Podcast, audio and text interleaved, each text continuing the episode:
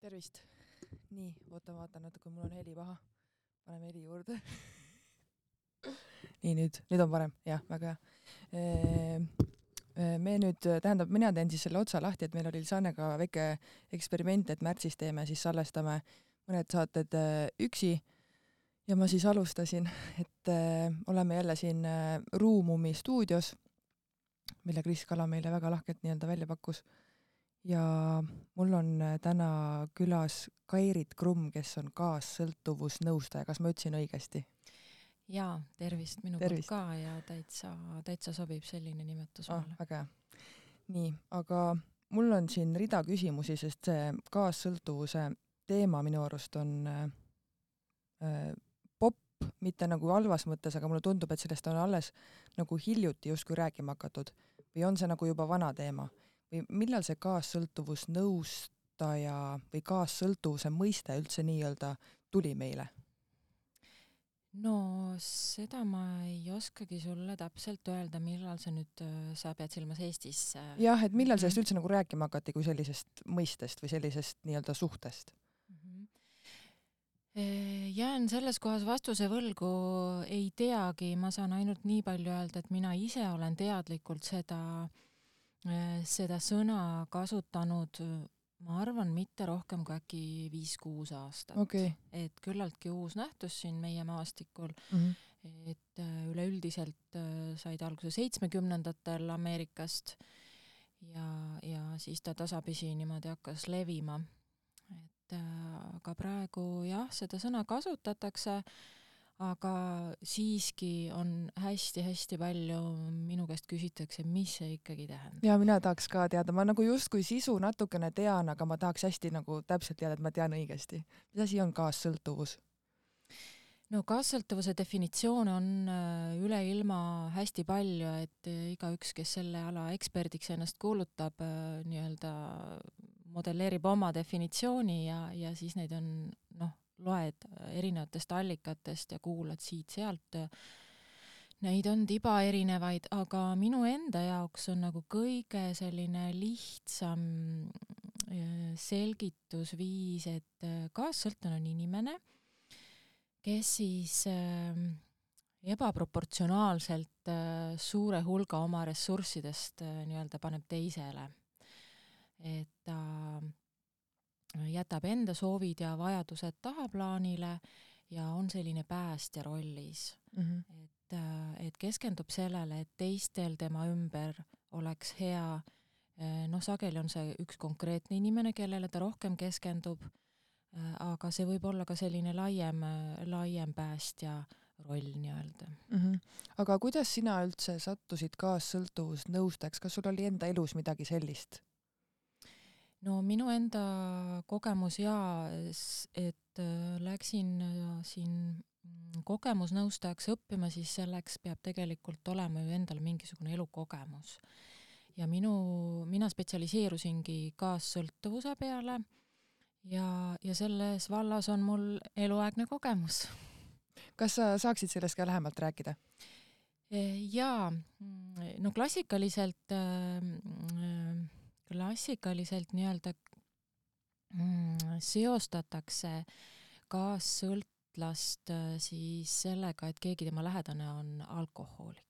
Okay.. see on selline klassikaline lähenemine mm, -hmm. mis äh, tegelikult ammu-ammu enam juba ei ole ainult äh, niimoodi defineeritav, aga minul on ka see nii-öelda klassikaline juhus, et minu isa on alkohoolik, siis ma võtsin endale abikaasa, kes on alkohoolik ja, ja nii see läks, et äh, kogu oma teadlikku elu olen ma olnud äh, niimoodi mm, tasapisi arenevas kaassõltuvuse suhtes mm. -hmm. aga mul on siin pandud üks hea küsimus äh,. kohe vaatan. kuidas sealt või kuidas saab kaassõltlane aru lõpuks, et ta on kaassõltlane? No äh, ega sageli ei saagi aru ja see minu arust ei olegi nagu iseenesest omaette eesmärk, et sa saaksid aru, et sa oled just nimelt kaassõltlane, et see, see nii-öelda diagnoos või, või see märk sulle otsa ette, et vot sina oled nüüd kaassõltlane, mulle meeldib öelda, et äh, maailmas on kõik inimesed kaassõltlased mm, -hmm. lihtsalt mis määral nad on, see on nagu erinev. Et kui sa oled kaassõltlane hästi kergel nii-öelda määral, siis see ei sega sinu elu ja sa ikkagi suudad ennast panna enda vajadused, soovid ja, ja kõik need nii-öelda tähtsamale kohale ja tegeled teiste inimestega, toetad ja aitad neid ka. Aga kui sa jõuad elus sinna, sinna, kui sa ühel hetkel tunned, et sa oled nagu tühjaks pigistatud sidrun ja sa tegelikult ei teagi enam, mida sina üldse vajad, sest et kogu su ressurss äh, läheb kellegi aitamiseks, toetamiseks, päästmiseks, kellegi tegude eest vastutamiseks, ma ei tea, jamade likvideerimiseks, mida iganes, et äh, siis tegelikult ju ei ole oluline, et sa defineeriksid, ahah, ma olen nüüd kaassõltlane, vaid äh, kuskilt tuleb hakata siis midagi muutuma, vahet ei ole, mis me selleks sildiks paneme, kas see on kaassõltuvus või, või olen ma lihtsalt äh, endalt fookuse maha võtnud või mis iganes. aga kuidas äh, sina mm,, kuidas sa välja tulid kaassõltuvussuhtest? mis, mis nagu muutus sinus või mida, kuidas hakkasid teistmoodi mõtlema, et sa said aru, et nii nagu enam jätkata ei saa?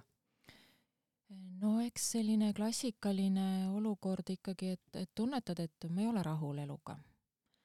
sest äh, see on nagu see esmane, mm, esmane indikaator ikkagi enamus inimeste elus, et tekib selline sisemine rahulolematus. Et noh, töö on nõme ja mees on nõme ja lapsed jonnivad ja vanematega on kehv kontakt ja tervis on kehva ja noh, kõik need klassikalised sümptomid, eks ole ja hästi palju aastaid mina ikkagi olin selles ohvri rollis, et teised on süüdi, et noh, kui nüüd see mees nüüd kaineks saaks, et küll siis oleks elu lill, kui lapsed hästi õpiksid, küll siis oleks hea, onju. kui ma leiaks parema töökoha, siis ma oleks õnnelik, kui mul see tervisemure kaoks ära, siis oleks kõik hästi. Et selline, panin nagu vastutuse endast väljapoole. aga siis minu elutee ristus ühe toreda inimesega, kes on siiamaani minu mentor, ma just äh, eile õhtul veel korra mõtisklesin, mul ei tulegi meelde, millal me täpselt kohtusime, ma arvan, et see võis olla seitse-kaheksa aastat tagasi umbes. tema tegeleb inimeste toetamise ja, ja aitamise ja nõustamisega ja, ja tasapisi ma hakkasin äh, miskipärast meie eluteed pidid ristuma, me hakkasime kohtuma ja ta õpetas mulle hästi palju, aitas mind, oli mu enesearengu teel ja on siiamaani äh, kaaslane. Ja, ja üksi, ma ütlen ka alati oma nagu klientidele, et mina üksi ei oleks tõenäoliselt sellest välja tulnud, et, äh, et minu ellu tuli selline tore inimene ja ja siiamaani saame regulaarselt kokku ja siis vastavalt vajadusele ta kas paitab mu pead või või siis teeb kurja häält, ütleb, et halloo, tee silmad lahti, sa oled jälle samas ämbris. Aga oskad sa täna kasvõi enda kogemuse pealt öeldaks, et või öelda, et miks, miks meist üldse saab kaassõltlane, kas seal on mingi lapsepõlve muster taga või miks me tõmbame nagu seda, seda inimest, sa ütlesid näiteks, et isa oli alkohoolik ja sa võtsid nagu mehe, et kas seal on ikkagi mingi see lapsepõlve taust, miks me sinna samasse, selle sama raja peale nagu jääme kinni ja ei saa sealt ära? just täpselt nii see ongi, et äh, et inimesed, kes arvavad, et nad üleöö järsku muutuvad kaassõltlasteks, äh, siis see päris nii ei ole, et tegelikult on juured ikkagi meie päritoluperes. Äh, psühholoogid ütlevad selle kohta, et äh, kaassõltuvuse eelduseks on düsfunktsionaalne mm, peremudel. ehk siis inimkeeli öeldes, et midagi ei toimi nii, nagu päriselt nagu lapse arengule vajalik oleks. Et midagi seal peres on natukene vildakas, moonutatud, valesti, puudu, üleliia, et lapsel jääb äh, siis äh, mingid asjad saamata ja ta ei küpse nagu psühholoogiliselt äh, niimoodi, nagu noh, ütleme noh, vajalik oleks et mis iganes see düsfunktsionaalne pere, et seal on hästi palju erinevaid variante, et noh, klassikaline on sõltuvused, et keegi perekonnast on sõltlane või on äh, keegi on väga haige vaimselt või füüsiliselt, et ta vajab nagu erikohtlemist, erihoolt, kogu tähelepanu on näiteks seal, ma ei tea, haigel vanaemal või haigel emal või või vanemad äh, või nooremad õed-vennad, mis iganes. Siis on äh, düsfunktsionaalne võib olla ka selline pere, kus vanematel ei ole näiteks aega laste jaoks äh, või ei ole neil mingisuguseid oskusi, sotsiaalseid oskusi näiteks, või ei ole tahtmist, noh, vanemad on näiteks mõlemad nartsissistid, siis neil lihtsalt ei olegi vanem, lapse jaoks tahtmist, sest et nemad on kõige tähtsamad seal peres enda, enda nii-öelda mõttes mis seal veel võib olla, igasugused väärkohtlemised, eks ole, vaimne vägivald, füüsiline vägivald, seksuaalne vägivald. noh, need on nagu sellised klassikalised teemad ja võib-olla nii, et ühes peres on päris mitu erinevat asja, et seal on näiteks vaimne vägivald ja vanemal on väga palju tööd. pere on suur, näiteks äkki on, ma ei tea, majanduslikud mured, ema peab töötama kolme koha peal üksikvanemlus on kindlasti suur riskitegur, ähm, mis, äh, et kust perest siis võivad hakata sirguma nii-öelda kaassõltlased. et ühesõnaga äh, selline märksõna tegelikult oleks äh, nende pere, päritolu pere, mm, perede juures nagu see, et laps jääb ilma emotsionaalsest hoolest mm. -hmm. aga ma just mõtlen, kas, kas see seos võib ka olla, et oletame, et mul on isa alkohoolik, ma satun nagu kokku kaaslasega, kes on ka alkohoolik, kas see siis nagu minu, kui ma nagu lapsepõlve mõistes võtan, kas minu jaoks on siis jälle nagu turvaline, et see on see sarnane keskkond, kus ma olen kasvanud ja sellepärast ma justkui nii-öelda satun kokku elus jälle sellesama inimesega, et tegelikult ja siis veel see asi, et tegelikult ju mulle see ei, ei meeldi, aga ma ikka tõmban sama. jaa ma just äh, mõni aeg tagasi kirjutasin oma kodulehel äh, just postituse sellel teemal, et miks ma ikka jälle astun samasse ämbrisse, et keda rohkem huvitab, et miks see nii on, et siis võib lugeda sealt. aga, aga jaa, sul mõte on täitsa õige. just nii ta ongi.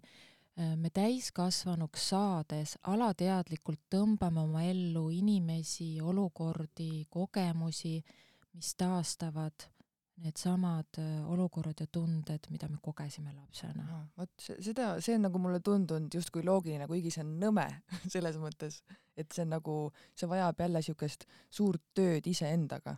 Aga see justkui see rada läheb sedamoodi, et nii kuidas oli keegi esivanematest ees, nii me lähme järgi.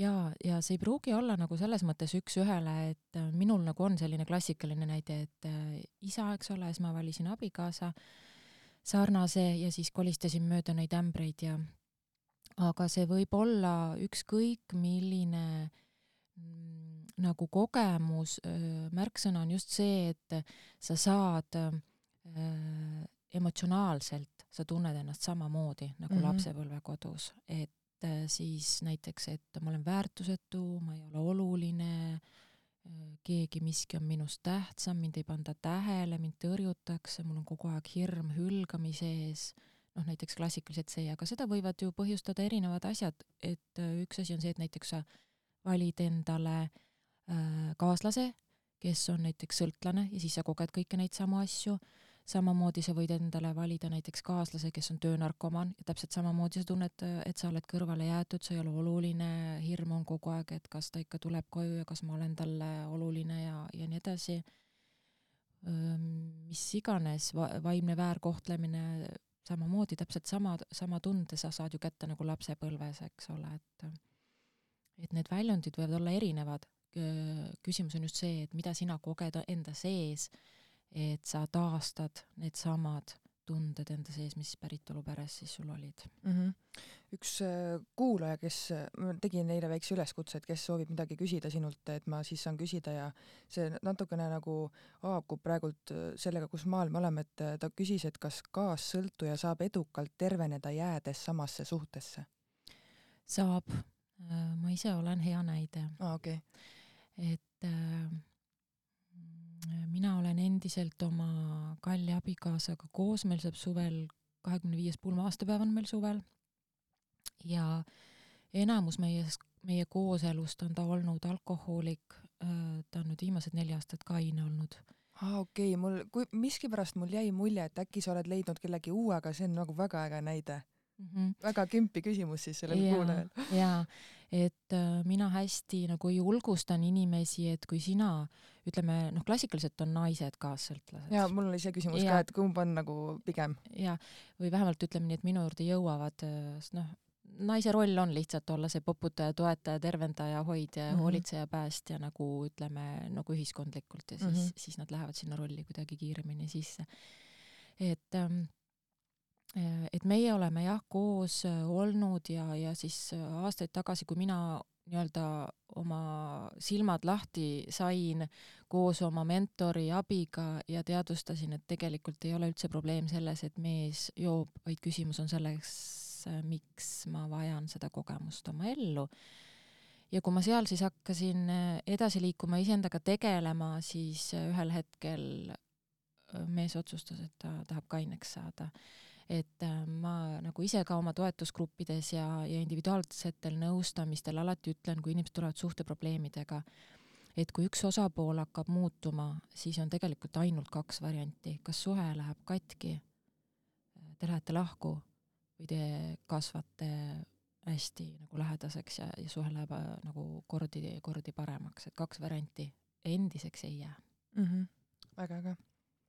ma vaatasin su kodukal, et sul on äh, siuksed asjad ka nagu, tegeled nagu kolme asjaga, kaassõltuvus, ATL ehk alkohooliku täiskasvanud laps ja elu ülitundliku inimesena. kas sa sellest kahest viimasest räägiksid natukene täpsemalt?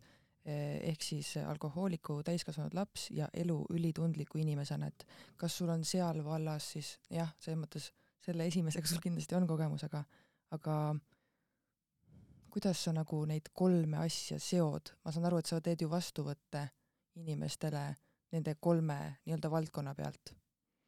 jaa, no kaks esimest ma olen küll kodulehel nad eraldi välja toonud mm. -hmm aga, aga tegelikult nad ikkagi lähevad äh, nagu laias laastus ühte patta mm -hmm. kokku, et äh, see, kui inimene defineerib ennast, äh, et tema on alkohooliku täiskasvanud laps, siis ta tegelikult on kaassõltlane mm. -hmm. lihtsalt ma olen selle eraldi välja toonud, sest noh, erialases kirjanduses seda tuuakse niimoodi välja ja ja neil on mingid pisikesed väikesed erinevused, aga tegelikult see on nii vähe märgatav, et mina ikkagi äh, käsitlen inimest, kes on alkohooliku täiskasvanud laps ikkagi kaas, tal on kaassõltuvuse elemendid kõik olemas mm. -hmm. aga kas, kui nagu tänapäevast rääkida, vaat sa ütlesid ka, et, et justkui ei pea enam olema ainult see alkohooliku, issand, vabandust, ei pea olema justkui see alkohooliku täiskasvanud äh, laps, vaid neid sõltuvusi võib täna nagu olla ka veel erinevaid, et näiteks äh, kui ma olen suhtes, kus keegi ei joo või ei tarvita mingeid aineid, aga mul on kogu aeg nagu see, et äh, et kui ta, no täpselt nagu sa ütlesid, et kui ta nüüd hakkaks niimoodi tegema, siis ma oleks õnnelik, et kui ta teeks, oleks selline, siis mina oleksin õnnelik. et see on, kas see on tegelikult ikkagi ka kaassõltuvus, et ma, ma tunnen sedasama tunnet, et mind ei panda tähele, aga sellel teisel inimesel, kellega ma koos olen, tal ei pea justkui nagu mingit sõltuvust olema, aga see tunne minul on sama. No eks seda peab natukene lähemalt vaatama, mm, niimoodi võib-olla pealiskaudselt ei saa seda kindlalt väita. Aga üks äh, kaassõltuvuse mm, tunnuseid on kindlasti see, et me anname vastutuse oma elu eest ära ja me paneme enda heaolu sõltuma välistest asjadest, inimestest, et kui temal on hea olla, siis minul on hea olla, kui tema on õnnelik, siis mina olen õnnelik, kui tema leiab omale, ma ei tea, uue töö või hobi või või mis iganes, tal läheb tervis paremaks, siis on minul ka parem et me, et see on kindlasti nii jah, et, et see viitab noh, mingil määral kindlasti kaassõltuvusele. kas kaassõltlane on alati ohvri rollis? Kas need käivad käsikäes, need kaks mõistet? käivad käsikäes äh,. nii kaua, kuni sa oled ohvri rollis, nii kaua sul ei ole lootust kaassõltuvusest taastuda mm.. keeruline. aga elu ülitundliku inimesena, mis, mis tähendab ülitundlik inimene? Äh, ülitundlik inimene mm, on äh, noh, klassikalises võtmes on elu ülitundliku inimesena on nagu kolm sellist äh, põhipunkti, mis ma võin siin välja tuua, on see, et ülitundlikud inimesed, noh, mis, mis see põhiline ongi see, et nende närvisüsteem on hästi tundlik. ja, ja selle tagajärg ongi siis see, et, et ülitundlikel inimestel on kalduvus informatsiooni hästi sügavalt töödelda noh, näiteks äh, vaatan aknast välja, ütleme, inimene, kes ei ole üle, ülitundlik, vaatab lihtsalt, ahah, näe, ilus ilm, päike paistab, mingi auto sõitis ka mööda. aga mina ülitundliku inimesena vaatan, ahah, nii, selline auto, näe, see auto on porine, nii, kes seal roolis istub, näe, mis tal peas on, nii, näe, siin on see puuks, puuoks, nii, siin on lehed maas, nii, näe, siin on veel see, näe, seal on sellisekujuline pilv. Hästi detailidesse lähen, ülitundlik inimene fikseerib iga pisikese asjagi ära äh, ja ta koormab sellega tegelikult oma närvisüsteemi. Ja sealt tulebki siis see teine punkt ehk ülestimuleerimise oht, et kuna see äh, ülitundlik inimene pöörab kõigele rohkem ja põhjalikumalt tähelepanu, siis seda infot on nii palju ja närvisüsteem ja kogu keha ju peab nagu roh-, nagu rohkem tööd tegema, et see läbi töödelda. Äh, ja, ja kolmas punkt on, on siis see, et hästi noh, sügav või tugev empaatia on ülitundlikel inimestel. et ja noh, kui need kõik kolm asja kokku võtta, et sa oledki hästi keskendunud ja hästi tähelepanelik, fikseerid kõike pisima detailidenigi äh, ja, ja oled selline empaatiline ja toetav ja, ja emotsionaalselt äh, hästi kaasaelav, nii kui kellelgi on natukenegi kurb ilme, siis ülitundlik inimene tegelikult ta kohe enda sees saab kontakti selle teise inimese emotsiooniga. Ja see viibki olukorrani, kus hästi kiiresti inimene väsib ta muutub rahutuks, ta tüdineb ära. no väsimus ongi vast see, see põhimärksõna, et, et ülitundlik inimene vajab hästi palju sellist omaette aega. kas ülitundlik inimene jääbki alati ülitundlikuks inimeseks? selles mõttes, et, et see ei muutu või ongi see, et ta teadvustab, et ta on ülitundlik, aga ta peabki teadlikult siis võtma nii-öelda time out'i? ma ei oskagi öelda, ma ei ole nagu niipidi mõelnud, et et, et kas seda saab muuta, ma kahtlustan, et nagu väga kardinaalselt mitte. et saab õppida lihtsalt mingisuguseid meetodeid, kuidas sellega paremini toime tulla, et sa oledki teadlik, et noh, mina olengi teadlik, et kui ma lähen näiteks kuskile, kus on palju rahvast, siis siis ma olen enne seda piisavalt puhanud ja, ja ma valmistun ette, et mul oleks peale seda ka piisavalt pärast aega, et olla üksi omaette, et ei ole nii, et ma lähen äh, ma ei tea, poodi shoppama kolmeks tunniks ja peale seda lähen veel kuskile suurele kontserdile, lauluväljakule ja siis pärast luban veel, et ma lähen sõbranna sünnipäevalt ka läbi, ma tean, et ma olen peale shoppamist juba täiesti laip ja noh, minust ei ole asja. ma pean taastuma paar tundi ja, ja siis võib-olla heal juhul saan veel kuskile minna selle päeva jooksul, et, et just see teadlikkus, teadvustamine, et jah, ma saan kõiki asju elus teha, aga ma pean taastumiseks võtma lihtsalt aega kas äh, me sünnime üli, ülitundlikuks või elu või lapsepõlv või keskkond teeb meid ülitundlikuks?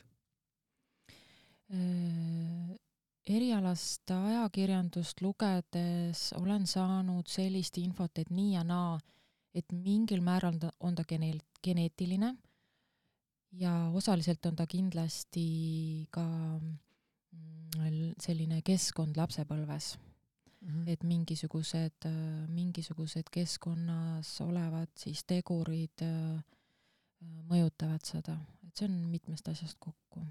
kas muidu ülitundlikul inimesel on praegu, kui nii-öelda vaadata, mis maailmas toimub, on tal nagu ekstra raske selle pärast? kindlasti on. ma iseenda pealt tunnen, et noh, mida mina näiteks olen teinud viimase äh, noh, üks aast-, aasta jooksul või, või niimoodi ongi see, et ma olen meediast täielikult eraldunud, ma ei, noh, telekat ma ei ole vaadanud äkki, ma pakun viis-kuus aastat, noh üldse. Äh, raadio ma olen nüüd ka kinni pannud ja nüüd ma üks suvest saadik äh, ehk siis noh, üks kolmveerand aastat äh, ei ole ka lugenud uudisteportaale, noh täitsa null. Mm. Facebook on ainuke kanal, kus ma käin, seda juba tööalaselt äh,, ja noh, olgem ausad, põhiuudised saab sealt kätte, mul on ka abikaasaga kena kokkulepe, et kui midagi olulist maailmas juhtub, tema on selline uudistesõltlane, et siis tema ütleb mulle, kuule, tead, vaata, näe see ja see ja see, siis ma ütlen, aa, okei okay,, noh.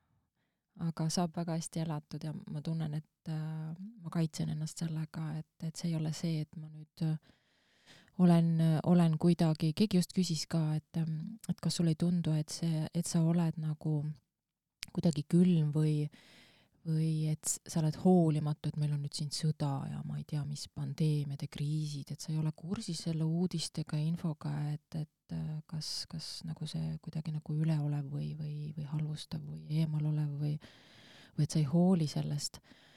Äh, jah, ma hoolin sellest, aga ma hoolin endast rohkem väga hästi öeldud. ma ise natukene tunnen sama, et siis, kui see koroona läks lahti ja nüüd see sõda, et äh, mul on ka pigem mees see, kes loeb ja siis ütleb mulle ja siis ta nagu, ma näen ka, et me ei saa, nagu vahel ta ei saa must aru, et mis mõttes sa nagu ei olegi uudiseid veel lugenud, siis ma mõtlesin, et need uudised on noh, mis ma sinna nagunii teha saan, onju, et ma parem nii-öelda natukene olen distantsil, mul on endal rahulikum olla ja kui midagi tõesti suurt juhtub, küll ta mulle ütleb, siis tema loeb uudiseid. just täpselt, et äh, see noh, ikkagi see on see, see on see klassikaline hierarhia, mis ka kaassõltlastel tegelikult on keeruline, on see, et äh, number üks olen mina, number kaks on partnersuhe, number kolm on lapsed mm. -hmm. Kaassõltlane reeglina ennast number üheks ei pane mm. -hmm mul on niisugune küsimus siin, et äh, kui sa nagu e-, ümberringi vaatad inimesi ja suhteid, siis äh, kas on palju neid, kes on kaassõltuvussuhtes, kuid nad ise nagu ei pane seda tähelegi? Ma arvan küll, äh, sest noh, hästi hakkab silma see klammerdumine tegelikult, et noh, kaassõltlasel on klassikaliselt kaks äärmust, noh, kaassõltlased ongi ühed äärmuslased nii-öelda et nad ei oska mõõdukalt väga eriti elada, et nad ongi kas ühe, ühes äärmuses või teises, et kui me vaatame suhteid, siis äh, noh, klassikaliselt on kaassõltlane suhtes äh, naispool, siis nad on ikkagi hästi klammerduvad.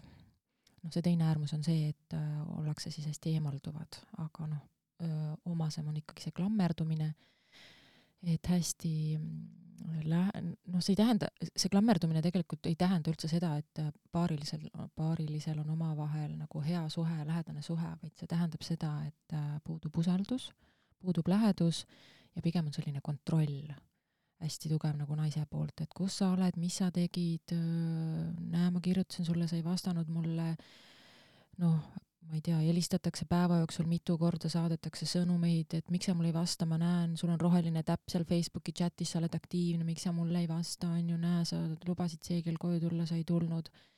selline ülekontrollimine tegelikult noh, on äh, hästi sage, mida ma näen paaride puhul ja see viitab ikka väga tugevasti kaassõltuvusele. kas, äh, kui oletame, et on nüüd paarisuhe ja üks pool saab aru, et ta on nii-öelda kaassõltuvussuhtes, siis kui see nii-öelda see inimene, kes aru saab, et on selles suhtes, läheb ära, kas siis selle nii-öelda sõltlase juurest, kelle juurest ära läheb, kas selle sõltlase elus muutub midagi või tema paneb sama rada edasi? no eks siin äh, võib olla ilmselt mitmeid variante, sõltub, kus see sõltlane äh, omadega on, et kas ta on valmis muutuma, edasi liikuma et äh, noh, tegelikult on sõltlasel ja kaassõltlasel kahekesi väga mõnus eksisteerida. et neil on mõlemal oma mugav roll, tuttav ja turvaline, sest mõlemad äh, jätkavad mingil määral oma, oma lapsepõlve nii-öelda neid lavastavad, taaslavastavad lapsepõlve kogemusi, et tegelikult on see päris mugav koht, kus olla, aga ühel hetkel jah, tõenäoliselt äh, võib juhtuda nii, et üks osapool tahab suhtest lahkuda või vähemalt midagi muuta ja kui see kaassõltlane suhtest välja astub, siis noh, tegelikult sellele eelneb ikkagi päris pikk töö iseendaga, sest niisama ta ei astu sealt suhtest välja, sest et enesekindlus on äh, väga madal kaassõltlasel, kui ta noh, on seal põhjas. et kui ta on juba mingi aeg endaga tööd teinud ja siis otsustab, et vot äh, näe, mina olen edasi liikunud ja sina jätkad vana rada, et mulle ei sobi enam niimoodi noh, kes seda teab, eks mõnele sõltlasele raputab pea selgeks ja otsustab, et noh, ma siis ka nagu hakkan natukene midagi muutma oma elus. noh, mõne jaoks on see võib-olla lihtsalt ahah, otsin siis järgmise ohvri, sest ega neid kaassõltlasi leidub küll ja veel, et võtab järgmise sarnase kaaslase omale ja läheb jälle sama rada edapidi edasi mm, -hmm. et mhm. noh, kes seda teab. aga need inimesed, sa ütlesid naisi on rohkem, onju, need naised, kes sinu juurde jõuavad enda murega äh, Äh, kuidas sa nagu alustad nendega seda nii-öelda nõustamist või ku, millest sa alustad ja kui kaua kestab üldse see nõustamine ja, ja mi, kuidas, kuidas sa siis nagu neid aitad või millest sa alustad ja kuidas nad hakkavad siis nii-öelda iseennast sealt üles leidma? noh, tibakene on ta erinev, eks ole, aga, aga noh, äh, toetusgruppi, kui me teeme, siis meil on oma kindel programm ja lähme selle programmiga niimoodi kenasti poole aasta vältel, et toetusgrupp kestab pool aastat. individuaalsel nõustamisel on niimoodi, et kõigepealt ikkagi inimene räägib oma loo ja, ja siis üritame äh, välja tuua need eesmärgid, et, äh, et praegu on nii, aga kuidas sa tahaks, et asjad oleksid. ja sellest eesmärgist siis lähtuvalt hakkame edasi liikuma üks peamisi üks peamisi nagu alustalasid on see, et inimesel peab olema tahtmine mm, panustada ja, ja võtta vastutus oma elu eest enda kätte tagasi. et tegelikult on päris palju ikkagi kliente, kes käivad läbi, halavad, on seal ohvri rollis, et see on loll ja see on nõme ja see teeb valesti ja mina mina siin saan kõigi käest vastu päid ja jalgu ja et ta ei näegi, et, et tema on osa sellest süsteemist, et tema võimuses on tegelikult midagi muuta oma elus. et nendega ma üldiselt koostööd ei jätka, et kui ma näen, et inimene ei ole valmis panustama, siis meie teed ei jätku. aga, aga need, kes ikkagi tahavad endaga tööd teha, eks me siis äh, hakkamegi vaikselt minema, et põhiline on ikkagi vaadata, mis seal lapsepõlves toimus, hakata üles leidma neid mustreid, kordusi, et näed, kas märkad, et sinu vanematel oli suhtes sellised teemad ja sul on praegu suhtes samasugused teemad. ja, ja siis hakkamegi noh, vaatama, et mis, kuidas kellegagi, et mul ei ole niisugust sada protsenti kindlat programmi, et ma kõikidega teen ühtesid asju sest inimesed on ju väga erinevad, mis on väga-väga imeline, sest iga, igalühel on omad nii-öelda teemad, millega ta rohkem tahab tegeleda, kas siis enesekehtestamist õppida, piiride panemist, mõnel on hästi tugev kontrollivajadus, noh, erinevad. kas sa oskad täna protsentuaalselt öelda enda klientide puhul, et kui tuleb nüüd see nii-öelda kaassõltlane sinu vastuvõtule, ja kui ta saab oma asjad korda, siis kas ta pigem jääb sellesse samasse suhtesse edasi või ta lahkub suhtest, kas sa seda nagu nii-öelda tausta ka tead natuke? ma ei ole pidanud mingisugust äh, statistikat, ei ole teinud, ei oska öelda ja minu kogemus nõustaja või kaassõltuvusnõustaja äh, teekond ei ole väga pikk, äh, ma ütlen, see on umbes poolteist aastat ja selle aja jooksul olen näinud nii ühte kui teist varianti, et on mitmeid paare, kes on läinud laiali, on paare, kellel on läinud äh, suhe paremaks, et nii ja naa mm. -hmm. aga tuleksin veel tagasi sinu suhte juurde, kuidas sinul see nii-öelda muutus toimus, et kas sa räägiksid sellest natukene pikemalt? Et sa ütlesid, et neli, neli aastat on nagu nii-öelda, ei ole sa enam justkui kaassõltlane ei, niimoodi ma ei ütle, kaassõltlane ma olen elu lõpuni. aa, okei okay. aga sest et ega kaassõltuvus on nagu ükskõik mis teine sõltuvus, äh, tegelikult sõltlane ei saa ju kunagi öelda, et ma ei ole enam sõltlane mm, -hmm. vaid äh, ma olen taastunud. ma ei ole tervenenud, sest äh, kaassõltuvus on ka haigus ja sellest tegelikult ei terveneta, sa saad vaid taastuda ja ennast toetada ja, ja mingeid asju muuta elus, et sul oleks lihtsam, et sa kohaned nii-öelda sellega mm. -hmm. et ma ei saa öelda jah, et ma ei ole kaassõltlane, see ei oleks õige väide. Äh, ma olen lihtsalt õppinud äh, mingeid asju tegema teistmoodi, äh, võtnud nii-öelda vastutuse enda elu eest enda kätte, olen õppinud ennast väärtustama, armastama, toetama. Olen õppinud, kuidas ennast kehtestada, piire seada, äh, olen õppinud elu ja oma pereliikmeid usaldama, et ma ei pea neid enam kontrollima nii meeletult, nagu ma seda varem tegin.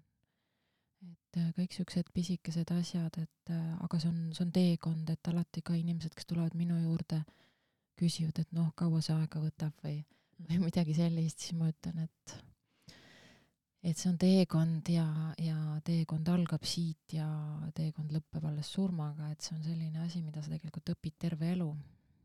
aga kuidas, kuidas nagu teie suhtes täpsemalt see muutus toimus, et ma saan aru, et sina nii-öelda siis hakkasid ennast väärtustama rohkem, kuidas su kaaslane sellele reageeris ja mis sealt nagu siis edasi tuli? no, las ma mõtlen korra tagasi natukene nendele aegadele, et noh, mis ma tegema hakkasin, oligi äh, ma võtsin fookuse ära.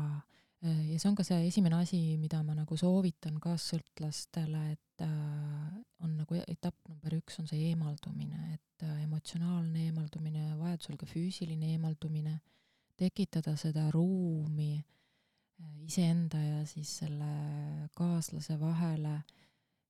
Ja selle eesmärk on just, noh, me oleme nagu sassis lõngakerad tegelikult et ma ei saa aru, kas need on minu mõtted või sinu mõtted, kas need on minu tunded või sinu tunded, et sõltlane kaassõltlane on nagu üks suur pundar, et kerime need kaks lõngakera niimoodi siis korda tagasi ja, ja teeme väikse distantsi, et ma saaks aru, et siitmaalt lõpeb mina ja need on minu probleemid ja sina tegeled oma asjadega, mitte mina ei päästa sind ja ei, ei, ei soodusta sinu sõltuvust nii-öelda. Ja et ma võtsingi selle fookuse abikaasa pealt ära, ütlesin, et äh, teed, mis tahad, ise otsustada, et mina tegelen iseendaga nüüd mõne aja hästi nagu süvendatult ja siis vaatame, mis edasi saab. et äh, käisingi erinevatel koolitustel, näiteks äh, Holistika Instituudis võtsingi aasta iseendale arengukoolitust, täitsa terve aasta tegelesingi endaga sügi-, süvitsi õppisin uue ameti selgeks, hakkasin joogatreeneriks hoopis. Äh, ja, ja, ja kuidagi nagu noh, see jah, see, see ongi nagu see mõte põhiline ongi esimene asi, mis teha, et teha, teha see distants, eraldada ja, ja siis sada kaheksakümmend kraadi siis fookuses pööre, et mitte ma ei vaata endast väljapoole teise poole, vaid ma vaatan enda sisse, mis minu sees toimub, mis on minu vajadused, mis on minu soovid mida mina tahan tegelikult elult saada ja hakka siis tegema neid asju, eks ole, et muidu ma olin nagu väike laps, vaatasin niimoodi alt ülesse oma mehe peale, et noh, mis me nüüd teeme või kus me lähme või et nagu paningi selle vastutuse oma elu eest tema peale, et tema ütleks. aga, aga see oli päris hirmutav muidugi. aga, aga noh, selles mõttes, et mul oli mentor ja toetaja olemas, kes tõesti mind käe kõrval juhendas ja aitas ja toetas ja oli olemas. ja, ja tasapisi pisikeste nende beebisammudega hakkasin astuma, see on täitsa, seda ka on erinevad inimesed ilusti öelnud, et kaassõltusest väljumine on täitsa uuesti kõndima õppimine, sest mina ja meie tasakaal on kaassõltlasel paigalt, paigast ära ideaalis peaks ju olema niimoodi, et ma tegelen teatud osa oma ajast mina ehk iseendaga, oma asjadega ja siis teise osa ajast meiega ehk pere, partnerite ja lastega. aga kaassõltlasel seda mina osakaalu praktiliselt ei olegi, ongi kogu aeg meie. ja see tähendabki seda, et ma pean õppima uuesti elama, uuesti käima ja toetuma iseendale aga mis, mis nii-öelda nägu su kaaslane selle peale tegi, kui sa nüüd hakkasid nii-öelda, panid taskulambi enda peale? mis, mis, mis tema reaktsioon oli, kuidas, kuidas ta käitus, kuidas ta oli? no kuna see toimuski hästi pisikeste sammudega, siis ei olnud niimoodi järsku, et ma nüüd äh, oleks öelnud nii, panin, et panen käed puus ja seisan äh, seal ukse peal ja ütlen nii, nüüd on nii. et see ei olnud nii, ma tegelikult ei öelnudki talle mitte midagi, sest see oli minu enda sisemine otsus. ja ja hakkasin tasapisi ise tegutsema. mingi aeg ta ütles mulle, aga see oli natuke nagu naljaga pooleks, et kuule, sa oled eriti ülbeks muutunud aga see oli, see oli tunnustavalt öeldud, selles mõttes, et ega tema ju samamoodi tajus ja märkus, märkas, et, et ma olen selline allaheitlik, alalhoidlik arglik hall hiireke, ise ei julge midagi otsustada ja, ja kui ma ühel hetkel siis lõin selle selja sirgu, et vaat nüüd on nii ja mina tahan seda ja ma lähen sinna ja teen seda ja ja osalen seal ja ja seda ilma sinuta, et siis see tegelikult oli talle positiivne šokk ikkagi. ja ma arvan, et see on see koht, mis andis ka temale selle tõuke, et et äh, nagu ta ise on ka öelnud, et noh, tema peab ju ka pingutama, sest muidu ta ei, noh, ei ole nagu seda, seda suhet väärt, et ta nagu, nagu nägi väga hästi, et üks osapool hakkas tege-, tegutsema, tegelema iseendaga, arenema ja pingutama, et ta ei tahtnud nagu kehvem olla. aga kas sealt siis saigi nagu nii-öelda tema muutus alguse, nii-öelda paralleelselt? Ma usun küll, et, et eks ta vaikselt tundis, tundis mingi aeg, et, et ma libisen ta vaateväljast eemale. me mingi aeg nagu päris eemaldusime päris palju üksteiselt ja elasime natuke nagu sellist eraldi elusid, just eelkõige emotsionaalselt. Ja, ja ju ta siis, siis tunnetas, et, et ta, tal on ka vaja midagi teha aga kas ta nagu käis ka siis teraapiates või ta sai täitsa nagu nii-öelda üksi sellest alkoholist eemale, kuidas tema teekond välja nägi? tema teekonnast saab lugeda tema blogist kõige, kõige lihtsamini, et äh, minu enda kodulehel, mul on väga lihtne koduleht kairit.ee. vaatasin, sa oled väga hea domeeni saanud endale et minu kodulehel on kontaktide all on minu abikaasa blogi kont-, see link, et saate ise sealt lugeda, seal on, ta on nüüd nelja aasta jooksul sinna kirjutanud aeg-ajalt, aga niimoodi lühidalt öeldes ta leidis endale toetusgrupi Äh, sõltlaste toetusgrupi, aastane grupp oli see, ja käis seal äh, iganädalaselt, äh, mõni nädal korra, mõni nädal kaks korda, mõni nädal kolm korda, täpselt nii, kuidas tunne on, et, et, et vot nüüd ja noh, vajan, vajan rääkimist ja toetamist ja et selline, selline hästi tore toetusgrupp oli, mille ta endale leidis, tal oli väga, väga äge mentor samamoodi, et noh, see on ikkagi, sõltuvus on ra väga raske teema, sealt üksi välja tulemiseks ikkagi enamus inimestel ei ole, ei ole piisavalt ressurssi, ei peagi olema, et mina alati ütlen, et see, kui sa näitad välja, et sul on abi vaja, et see on ikkagi tugevus, mitte nõrkus. Hästi äge on kuulata just meesterahva puhul seda, sest mehed justkui, no me naistena ma mitte ei taha üldse võrrelda, aga tundub, et naised nagu jõuavad ennem sinna, et kuule, et ma peaks midagi muutma, onju. et hästi äge on kuulda, kui mees nagu sellise sammu teeb ise ja hakkab ise nagu seda teed käima, et seda on väga kihvt kuulda. no naistel on omasem see abi küsimine ja, ja abitu olemine ja kõik see, et ma võtan vastu selle toetuse ja ma küsin, küsin kellegi käest nõu ja, ja luban ennast toetada, et see on naistele omasem. noh mehed on juba siin ühiskonnas lihtsalt sellises rollis rohkem, et äh, nemad on äh, tugevad ja targad ja nad peavad üksi hakkama saama. ja, ja selle võrra on neil natukene keerulisem võtta seda abi vastu. aga täpselt sama jah, ma olen nõus, et need, need mehed, kes, kes lõpuks ühel hetkel äh, tunnistavad, et äh, et mul on natuke keeruline üksi edasi liikuda, et minu arust on see super-super äge. täiega lahe, see on tõesti lahe. aga kas sa mäletad seda hetke, kui te justkui nagu avast-, avastasite enda suhtes, et kuule, et mina olen nagu justkui selja sirgu saanud, sina oled enda probleemiga tegelenud, et kuidas see nagu uus kontseptsioon nagu välja nägi või kuidas see nagu tunne seal oli? Ma arvan, et esimene selline julgem mõte, mida ma julgesin mõelda, et äkki nüüd ongi asjad paremad, on siis, kui ta oli olnud pool aastat kaine. sest esimesed kuud olid ikkagi, minu ärevus oli meeletult laes. meil olid rollid muutunud, me olime, me olime mõlemad muutunud ja, ja mulle see meeldis, aga kogu aeg oli see kuklas see hirm, et nagunii ta libastub, nagunii läheb kõik jälle vanamoodi. eks ta oli ju varemgi proovinud olla mõned kuud kained, kaine ja, ja ma olin ju kogenud seda, seda valu, kui ta taas jälle sinna auku vajus, et minu arust see, noh, see oli nagu hästi-hästi raske, et olid need hetked mulle, kus ma nagu mingit lootust julgesin helitada ja siis see kõik läks jälle põrmuks, purunes mu silme ees et ah, ta ei saanud hakkama ja kõik läheb jälle vanaviisi edasi, et, et see hirm oli kogu aeg kuklas, aga kui ta oli juba pool aastat kaine olnud, nii kaua ta ei olnud kunagi veel varem olnud, et siis mul hakkasid tekkima sellised esimesed lootuskiired, et aga äkki, äkki, äkki ikka saabki need asjad niimoodi jonksu, et, et suhe läheb paremaks ja et, et tema, tema saab ennast korda ja nii edasi aga kas ta nagu sinuga jagas ka enda teekonnal neid mõtteid, et, et tal on näiteks mingi raske hetk, et näiteks kas tal oli siukseid hetki, et ta tahaks näiteks võtta klaasikese, aga ta teab, et ta ei saa?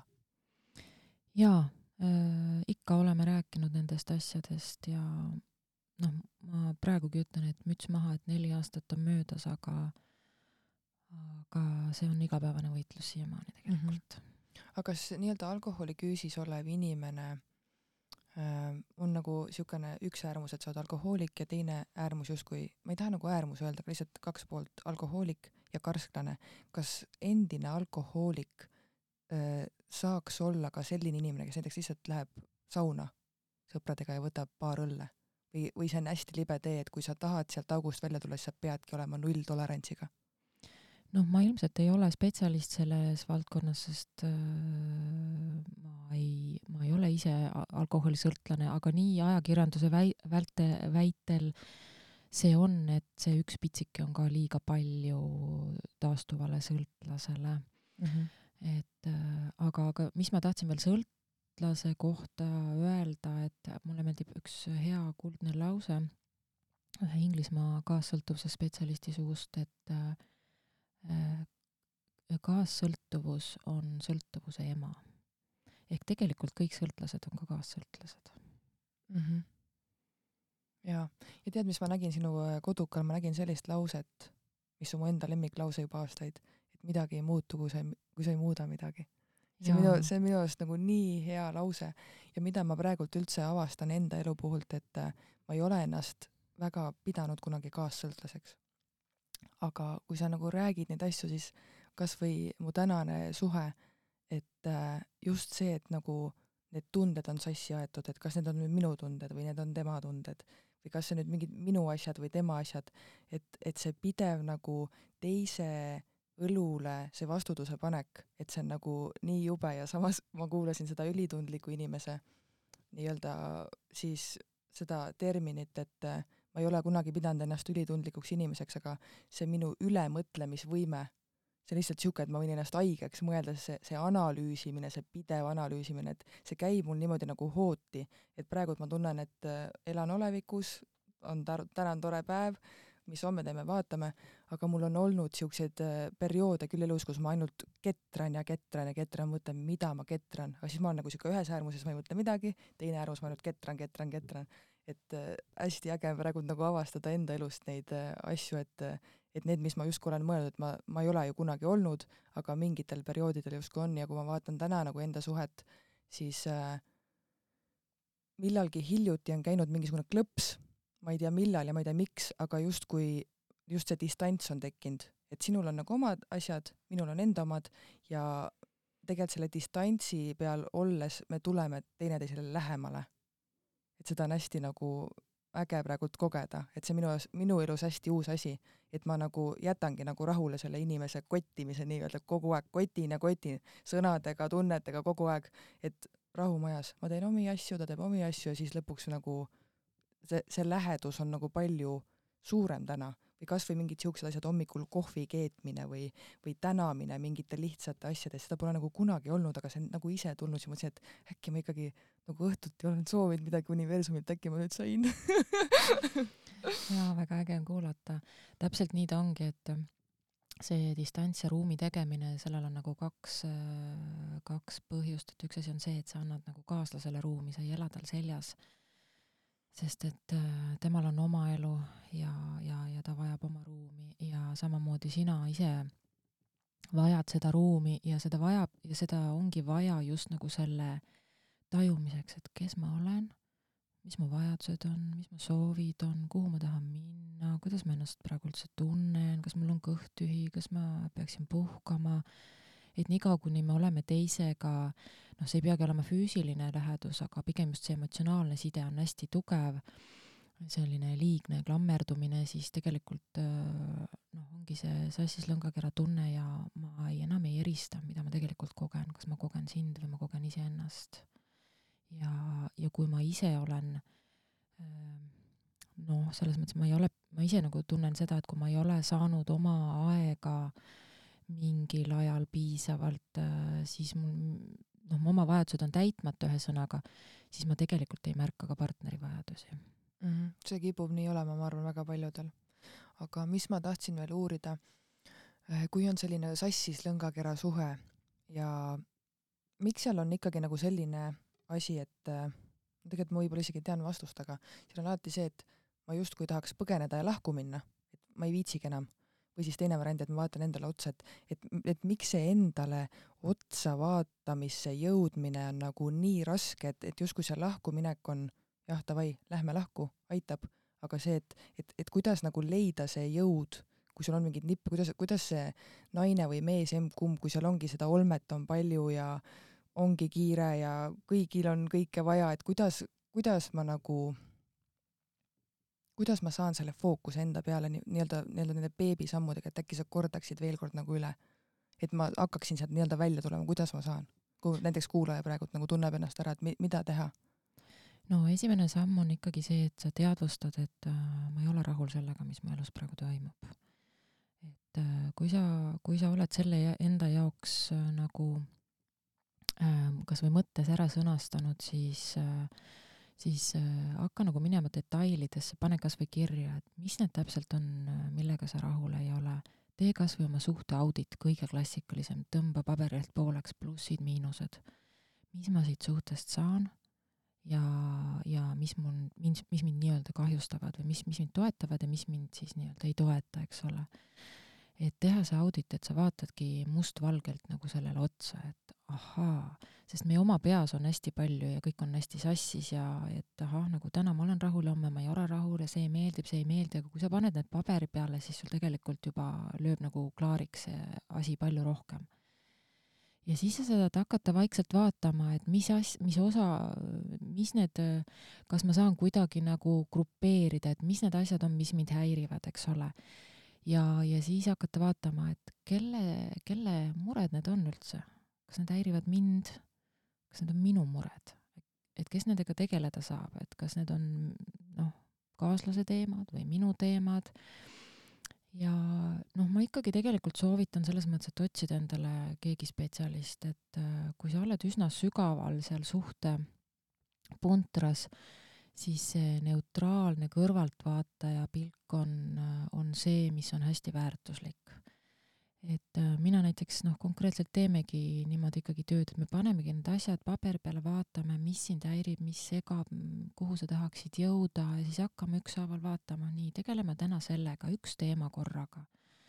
Aga kui sa tunned, et sa ei ole valmis seda abi vastu võtma, mis iganes, või ei ole sul ressursse hetkel, olgu see siis aeg või raha või, või enda energia või mida iganes, ja sa tahad üksi pusida, siis siis hakka, no ma võin üsna kindel olla, et enamus inimestel, kes on sellistes sasipuntra suhetes, nad on iseennast tahaplaanile jätnud. Et äh, hakata iseennast väärtustama ja, ja tooma seda tähelepanu endale, et äh, noh, näiteks eelmine nädal käiski mul üks naisterahvas ja me panimegi praegu hästi pisikese eesmärgi. sa võtad kaks-kolm korda nädalas õhtul tund aega endale jalutamiseks see on nagu, see on nii lihtne asi, aga ise nagu väikeste laste emana, see läheb nii meelest ära.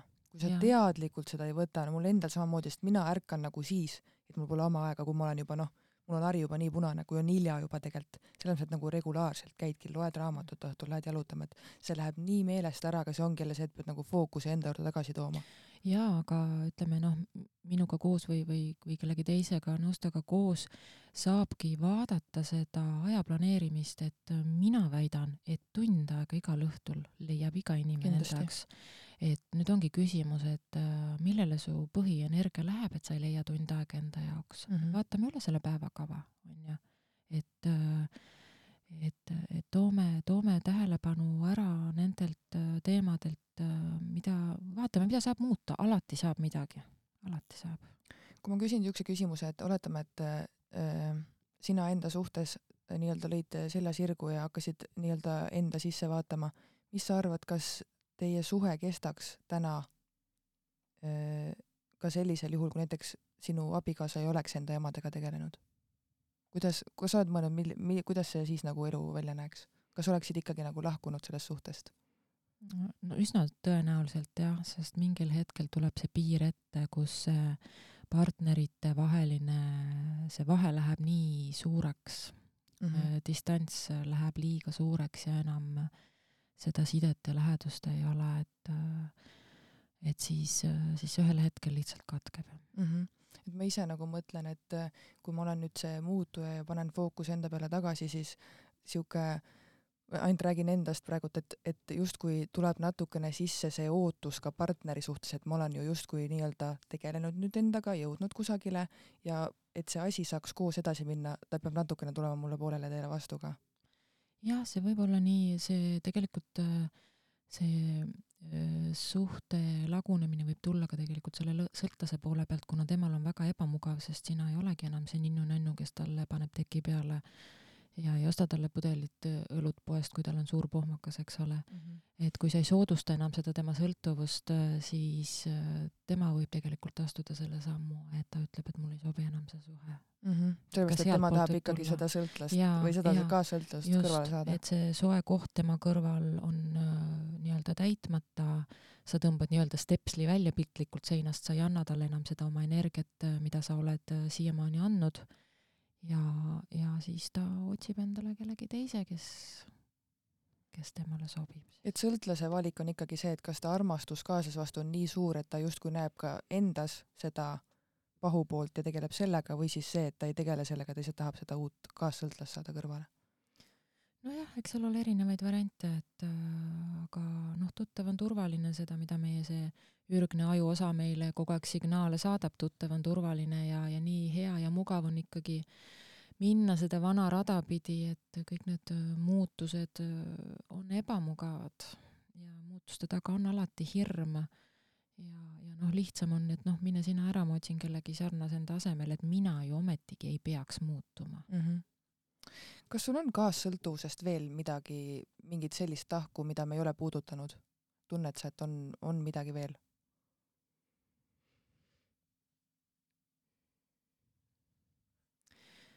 Keeruline küsimus, neid asju on tegelikult hästi-hästi palju, mis noh, ma ikkagi klassikaliselt ütlen niimoodi, et kaassõltuvus on lihtsalt üks silt, mida ma väga palju viimasel ajal eriti kasutada ei tahagi et näiteks naised, kes käivad minu toetusgrupis, siis ma ikka ütlen, et, et ma ei taha öelda, et see on kaassõltlaste toetusgrupp, vaid see on naiste toetusgrupp, kus me õpime elementaarseid asju, et iseendaga hakkama saada. Et, et nagu julgustan inimesi lihtsalt iseendaga tegelema ja vaadata, kus need murekohad on, kus need nõrgad kohad on, et miks ta ei ole oma eluga rahul kus, kus annaks midagi muuta, et otsi ise, vaata, uuri, otsi abi, kui tunned, et ise jääd kuskile ummikusse. et ma väga jah, ei tahakski toonitada nii väga seda sõna kaassõltuvus mm, -hmm. vaid lihtsalt seda, et me tänu meie lapsepõlves toimunud traumadele ja meil kõigil on lapsepõlves erinevad traumad, füüsilised, vaimsed, emotsionaalsed, et tänu sellele me oleme täiskasvanuna ikkagi päris sageli endaga puntras ja üksi võib-olla on keeruline sealt välja tulla. mul oli nii hea küsimus, läks meelest ära sa rääkisid äh, joogast natukene, et sa oled joogaõpetaja, kas joogaõpetajaks sa õppisid ka sel ajal, kui sa nii-öelda läksid natukene rohkem enda asjadega tegelema? just, et äh, siis, kui ma hakkasin endaga rohkem tegelema, siis, äh, siis tuli see teadmine, et see klassikaline kontoritöö ei ole see, mis loob väärtust minu, minu enda nagu mõttes.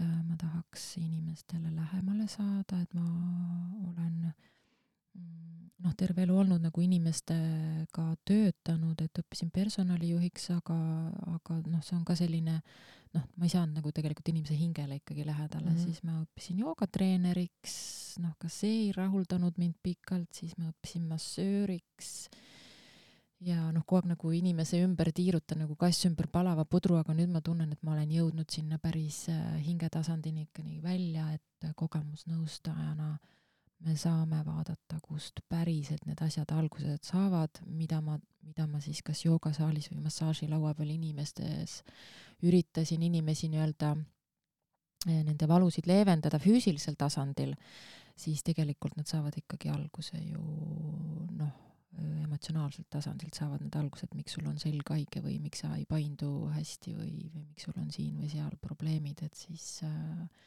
nüüd ma saan tegelikult tegeleda nende juurpõhjustega mm. -hmm. aga kui sa vaatad praegult äh, nii-öelda enda klientuuri või üldse täna, tänast nii-öelda päeva või praegust aega, et kas äh,, kas pigem on selline aeg, kus äh, need inimesed hakkavad ärkama, et nad nüüd saavad aru, et midagi tuleb muuta või, või kuidas nagu klientide puhul, mida sa tajud, kas pigem on sul kliente nagu palju, mis on selles mõttes justkui hea, et inimesed ärkavad, või on ikkagi rohkem seda, et äh, sa nagu näed, et tegelikult oleks koht, millega tegeleda, aga need inimesed pole valmis? No kuna minu praktika selles äh, valdkonnas ei ole väga pikk, siis ma ei saa mingit äh, põhjapanevat nii-öelda statistikat ja öelda, et kuidas, kuidas nagu ajas see muutunud on, seda ülevaadet mul ei ole enda isiklikust nii-öelda seisukohast aga, aga eks ta ikkagi see suund sinnapoole ole, et inimesed ärkavad ja märkavad ja see rahulolematus endaga nagu on päris suur. Äh, küsimus on lihtsalt selles, et äh, minu klientide seas on ka märkimisväärne osa inimestest, kes tulevad, kuulavad, nad saavad aru, aga sa näed, et nad tegelikult ei ole valmis veel sinna päris otsa vaatama nendele asjadele. et nad vajavad veel natuke küpsemist.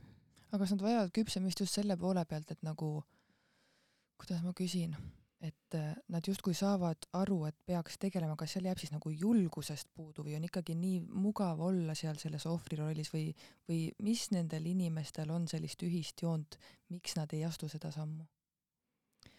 no osad on kindlasti sellised, kes on, peres on näiteks väiksed lapsed ja naine on ikkagi mehest majanduslikult sõltuv ja ta saab aru küll, et äh, mees on näiteks vägivaldne ja, ja seal on noh, lapsed kannatavad ja kõik on väga keeruline ja raske, aga nad ei näe nagu seda väljapääsu hetkel, et äh, et nad ei saa seda suhet lõpetada, sest need hirmud on nii suured, et ma ei tule sii-, ma ei tule üksi toime mm. -hmm. see on kindlasti päris, päris valdav osa muredest üks osa on ka ikkagi needsamad, need hirmud, et see tuttav on turvaline, et jah, mul on praegu suht kehva olla, aga see on vähemalt noh, turvaline ja ja kui ma nüüd midagi siin muudan, näiteks tulen sealt töölt ära või, või lähen partnerist lahku või, või mis iganes mingi elumuutuse teen, et äh, inimesed ei ole kindlad, et nad on uues nii-öelda kohas, et see uus koht nii-öelda parem on. et see hirm on ikkagi seal taga et praegult on nagu hull, aga kes see garanteerib, et mul hullem ei tule? absoluutselt, äkki, äkki uus on veel hullem, et äh, kuna garantiid ei ole, siis ma praegu natukene küpsen veel siin vanas kohas, et vaatame. et järelikult ei ole veel piisavalt hull, et siis nii kaua neid muutusi mm -hmm. sageli ei tehta, et äh, veel on talutav mm. -hmm. on sul veel lisada enda nii-öelda töö poole pealt midagi, millest sa tahaksid veel rääkida?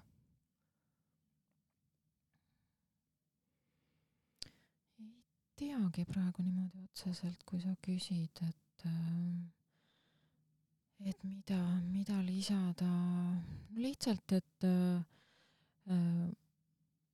et võib-olla ikka seesama märksõna, mis siit läbi käinud on, et et võtke endale aega ja, ja märgake nagu iseennast, et see meie ühiskond on kõik selline, noh, meie, kogu meie ühiskond on kaassõlt-, sõltuv, ma ütleksin laias laastus, et meid on õpetatud, et see, kui sa iseendale mõtled, et siis sa oled egoistlik ja teistega peab arvestama ja ja kuidas sa ikka nii teed ja mis teised sellest arvavad ja, ja, ja olgu sul häbi, et mis, vaata, mis, kui sa nii teed, et see mõjutab neid ka ja kuidas ikka nii saab, et et hakata vaikselt märkama neid mustreid, mis meile lapsepõlves on väga kenasti sisse programmeeritud ja mis elavad oma elu või mis on võtnud meie üle nii tohutult kontrolli, et hakata märkama ja küsima endalt, aga mis siis, aga siis? Ja siis, aga mis siis saab, et äh, mina hästi õpetan nagu oma, oma kliente ka, et, et kui neil mingid hirmud üles tulevad, siis ma küsin, aga mis siis?